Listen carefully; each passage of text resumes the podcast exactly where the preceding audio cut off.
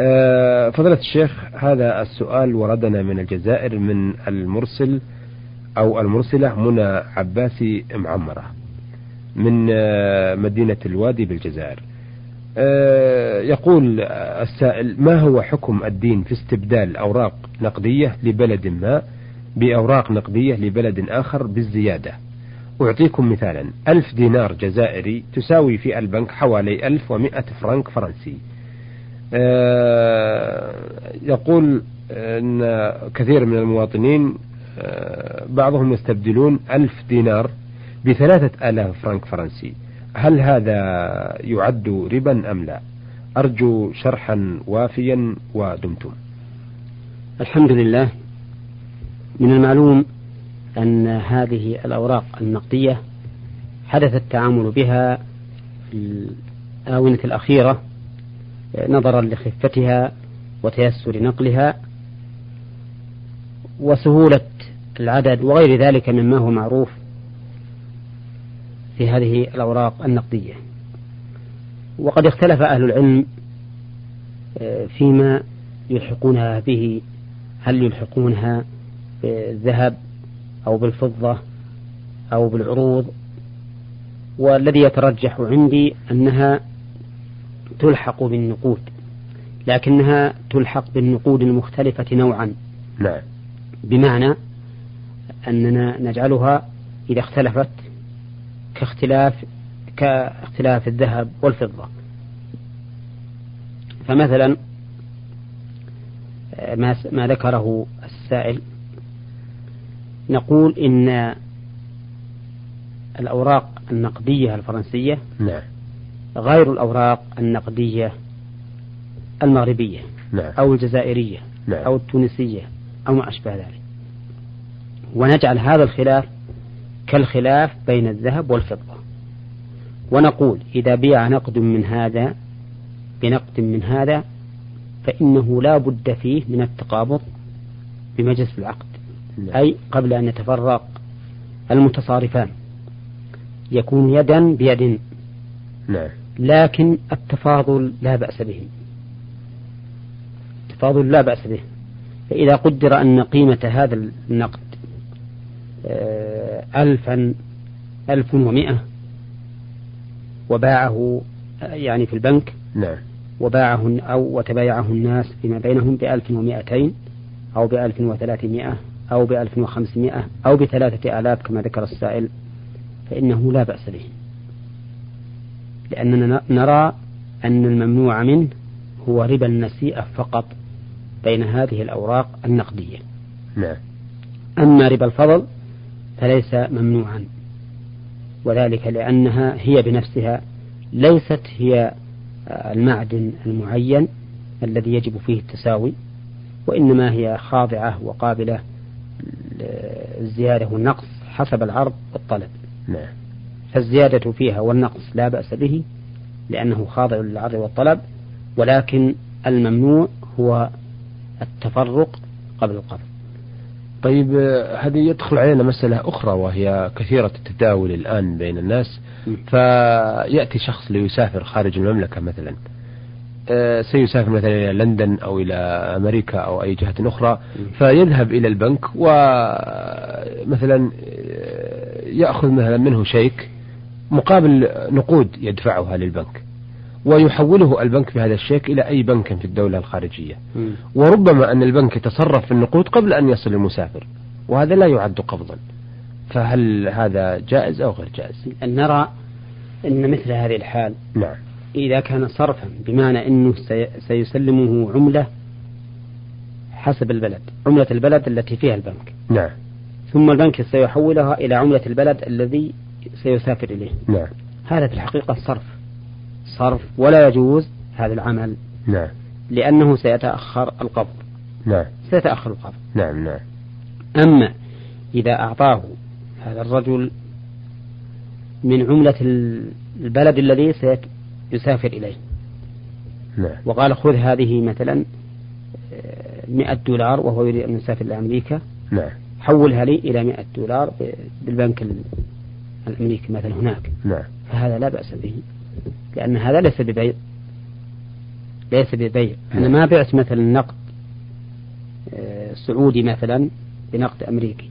إنما أعطيته نقدا أمريكيا ليحوله إلى آه، بنك نقد أمريكي نفسه. إذا هذا يستلزم أن مثلا أشتري النقود الأمريكية وأذهب بها إلى البنك. نعم نعم وهو كذلك. ولا أعطيه مثلا نقود سعودية نعم. ويقول حولوها إلى أي نعم وهو كذلك. مثلا نقول إذا أردت أن تسافر إلى أمريكا مثلا نعم. فإنه لا يمكن أن تعطيه عملة سعودية تعطي البنك ويحولها إلى آه، نقود أمريكية. بس هذا فيه مشقة على المسلمين. ما في والله هذا ما نراه. هذا و... الذي نراه. و... وليس فيه مشقة. وأين المشقة؟ فيه خسارة أولا لأنك ستشتري مثلا النقود من خارج البنك نعم. وسيأخذ عليك الفرق. وعند إيداعها في البنك سيأخذ عليك العمولة للنقل. نعم نعم, نعم. فهذا يضيع حق المسلم مثلا. وليضيع إذا خلص الإنسان من الربا نعم. فليضيع نعم أحسنت وإن و... و... وإذا رعينا مسألة الخسارة والربح في الوقوع في الربا نعم. فهذا يختل علينا شيء كثير. فالواجب على المسلم أن يتمشى حسب ما رسمه له الشرع خسر في ذلك أو من ربحه نعم. آه هذه الرسالة آه وردت من محمد عبد الله عبد الرشيد. يقول إذا زنت الفتاة عندنا في الصعيد آه هو من جمهورية مصر العربية. يقول إذا زنت الفتاة عندنا في الصعيد فإن أهلها يقتلونها خشية العار. فما حكم هذا العمل؟ وفقكم الله. الحمد لله لا يجوز هذا العمل ولا يحل أن تقتل إلا إذا كانت ثيبا. بمعنى أنها زنت بعد الإحصان فإنها ترجم كما ثبتت بذلك السنة عن النبي صلى الله عليه وسلم نعم. وكما هو موجود في القرآن الذي نسخ لفظه وبقي حكمه إلى يوم القيامة نعم. أما إذا كانت لم تتزوج فإنه يجب أن يقام عليها الحد الشرعي وهو أن تجلد مئة جلدة وتغرب سنة كاملة إذا لم يكن في تغريبها محذور. فإن كان في ذلك محذور وفتنة وبلاء وشر فإنها تبقى في بيت أهلها ولا تخرج حتى تتم السنة. نعم. أه سؤاله الثاني عن الحج. يقول من المكلف بالحج عن الأب والأم إذا كانوا موجودين ولكن لا يستطيعون الحج؟ الجواب ليس أحد من الناس مكلفا عنهم. لأن العبادات إنما تجب على المكلف ولا تجب على غيره. ولو وجبت عبادة شخص على غيره لازم من ذلك أن يكون آثما بتضييعها. وقد قال الله تعالى ولا تزر وازرة وزر أخرى. نعم. والوالدان إذا لم يستطيعا الحج فإن كان لا يستطيعان ببدنيهما مع وجود المال لديهما فإنه يحج عنهما. يحج عنهما أحد الولدين. نعم. وإذا كانا يستطيعان الحج بأبدانهما فإنه لا يجوز لأحد أن يحج عنهما فريضة الإسلام. نعم. أما غير الفريضة فلا حرج في ذلك. آه هذه الرسالة من القصيم جيم آه ميم شين. آه يقول آه أشكركم على تجاوبكم على استفسارات المستمعين الدينية والاجتماعية آه ولدي مجموعة من الأسئلة. آه، أرى أمامي سؤالين من أسئلة المستمع. يقول هل يجوز بناء المسجد على شكل أو أشكال هندسية مختلفة؟ آه، كشكل سداسي وما هو بناء المسجد الصالح للصلاة فيه؟ أنا باعتقادي الشكل الرباعي والمستطيل هو الصالح. آه، أسأل هذا السؤال لأنني شاهدت مساجد والحمد لله يقول إنها قلة على شكل سداسي في مملكتنا الحبيبة. أعتقد أن السائل ذهب إلى مذهب آخر وهو أن الأشكال السداسية لا تأتي إلا في آه، النجمة الإسرائيلية. الحمد لله. بناء المسجد على أي شكل كان جائز ما دام اتجاهه إلى القبلة سليما نعم. وظاهرا إلا إذا بني على وجه يشبه الكنائس أو معابد الكفار فهذا لا يجوز لما في ذلك من التشبه بهم نعم. وأما إذا بني على وجه لا يوافق شيئا من معابد الكفار من كنائس أو صوامع أو غيرها فإنه لا بأس به. على أي شكل كان ما دام اتجاهه إلى القبلة سليما. نعم. مبينا وواضحا نعم حسنتم. آه سؤاله الثاني يقول هل يجوز تحديد الإنجاب في الحياة الزوجية أم لا؟ الجواب لا يجوز ذلك. بل المشروع أن يكثر الإنسان من الأولاد لما في ذلك من تكثير الأمة الإسلامية وتحقيق مباهاة النبي صلى الله عليه وسلم بأمته ولما في ذلك من الخير والصلاح. فقد يكون هؤلاء الأولاد صالحين ينفعون والديهم في دينهم ودنياهم. نعم. ثم إن تحديد النسل في الواقع ليس إلى الإنسان. فقد يحدد الإنسان نسله بأربعة أو خمسة ثم يموت هؤلاء أو يموت بعضهم فيبقى عقيما أو مقلا من الأولاد. نعم. وعلى كل حال فتحديد النسل لا يجوز. أما تنظيمه بمعنى أنه بدل من بدلا من أن تنجب المرأة في السنتين مرتين ويريد أن تنجب في السنتين مرة واحدة لمصلحة شرعية فهذا لا بأس به. نعم أحسنتم. آه الرسالة التالية من المرسلة فتاة ها ميم ميم ميم من الخرج. تقول أنا فتاة أرضعتني امرأة ثلاثة شهور. مع ابنتها. ولهذه المرأة أولاد وبنت أكبر من هذه البنت فهل يحق لي أن أفتش عن الأولاد الأكبر منها والأصغر منها؟ وإني محتارة لم أسلم عليهم لأن بعض الأقرباء قالوا لي إنهم لا يحقون أن تفتشي أي لا يحق لك أن تفتشي عن الأكبر منها. وإني أبعث لكم هذه الرسالة لبرنامجكم المفضل الذي يبعث إلى قلوبنا الخير. أفيدوني جزاكم الله ألف خير وبارك الله فيكم. الحمد لله.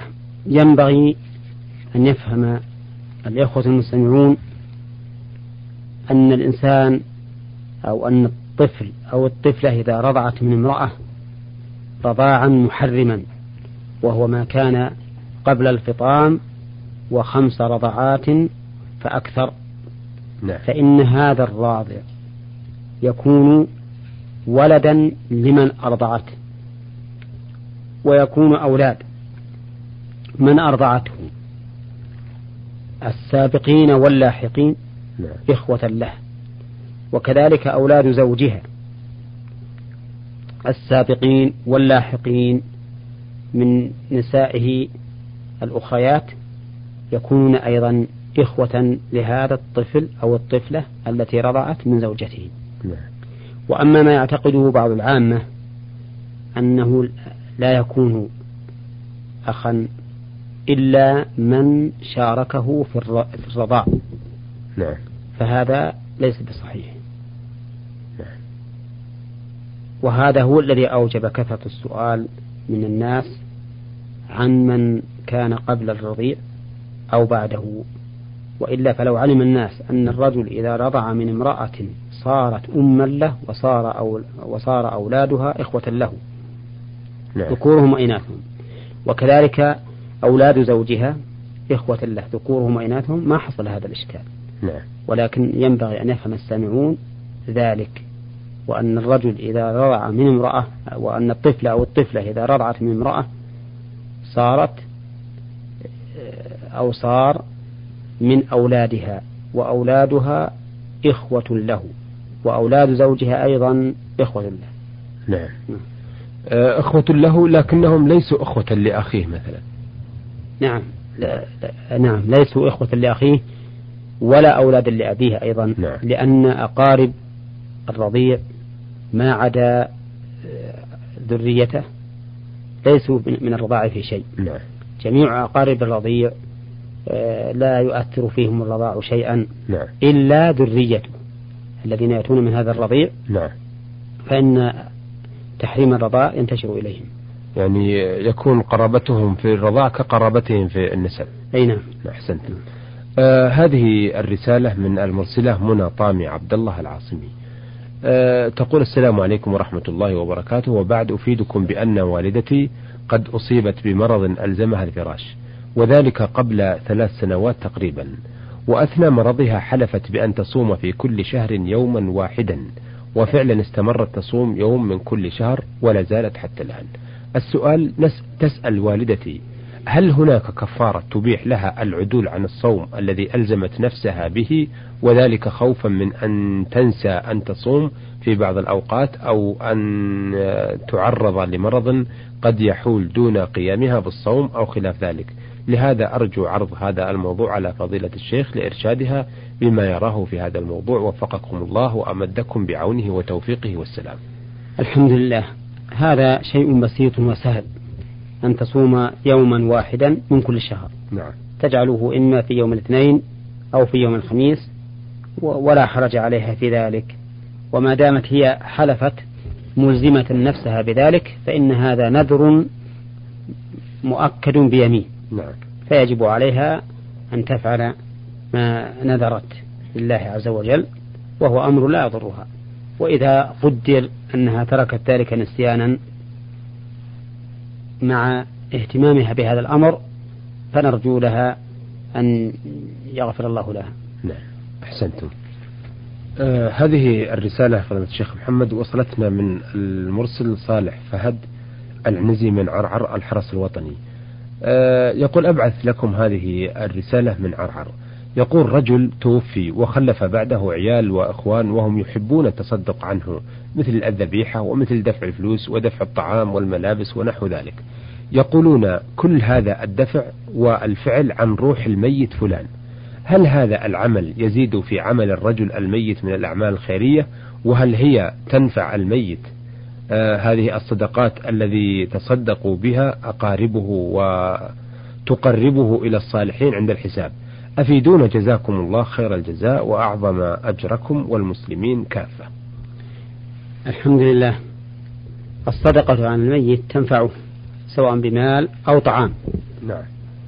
فقد ثبت في صحيح البخاري أن النبي صلى الله عليه وسلم سأله رجل فقال يا رسول الله إن أمي افتلتت نفسها وإنها لو تكلمت لتصدقت. أفأتصدق عنها؟ قال نعم. فهذا العمل الصالح ينفع الميت وربما يكفر الله به عنه من خطاياه. نعم. لكن ينبغي أن يعلم أن العمل للأموات لا ينبغي الإكثار منه. فإنه وإن كان جائزا في أصل الشرع فإنه لا ينبغي الإكثار منه كما يفعل بعض الناس يكثرون دائما من الصدقات لأمواتهم وإنما يتصدق الإنسان لنفسه ويدعو لغيره. نعم. فهو محتاج إلى العمل الصالح سيموت كما مات هذا الرجل ويحتاج إلى العمل كما احتاج إليه هذا الرجل. ففعلها دائما ليس من عمل السلف الصالح رضي الله عنهم ولكن فعل ذلك أحيانا لا بأس به وهو نافع للميت.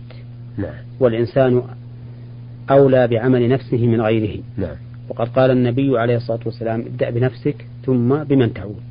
وإذا كان السلف الصالح وهم أحرص منا على فعل الخير وعلى نفع أمواتهم لم يكونوا يفعلون ذلك كثيرا فإنه ينبغي لنا أن نتأسى بهم وألا نكثر من هذا الفعل وهذا العمل. نعم. ولكن إذا فعله الإنسان أحيانا فلا حرج.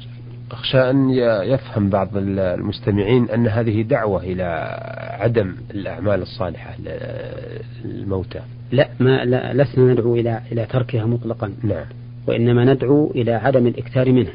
نعم. إنما تفعل أحيانا. ولهذا ليس من عمل السلف الصالح الإكثار من ذلك. وإخفاء أما ما أوصي به من مثل هذه الأعمال فهذا يعمل فيه حسب الوصية لأنها ليست من مال الفاعل. وإنما هي من مال الموصي.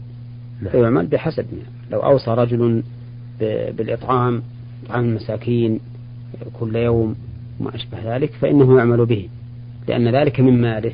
نعم. نعم. قد أيضا يؤثر. يعمل به. في الحدود الشرعية وهي أن تكون الوصية من الثلث فأقل. نعم. نعم. أيضا ربما أن هذه الأعمال المتكررة والكثيرة قد تؤدي إلى غرس المحبة الزائدة في آه، نفوس الناشئين ويعتقدون أن في هذا الرجل مثلا شيء أي نعم ربما تؤدي إلى الغلو. أحسنتم. أيها السادة إلى هنا ونأتي على نهاية هذا اللقاء الذي استعرضنا فيه أسئلة السادة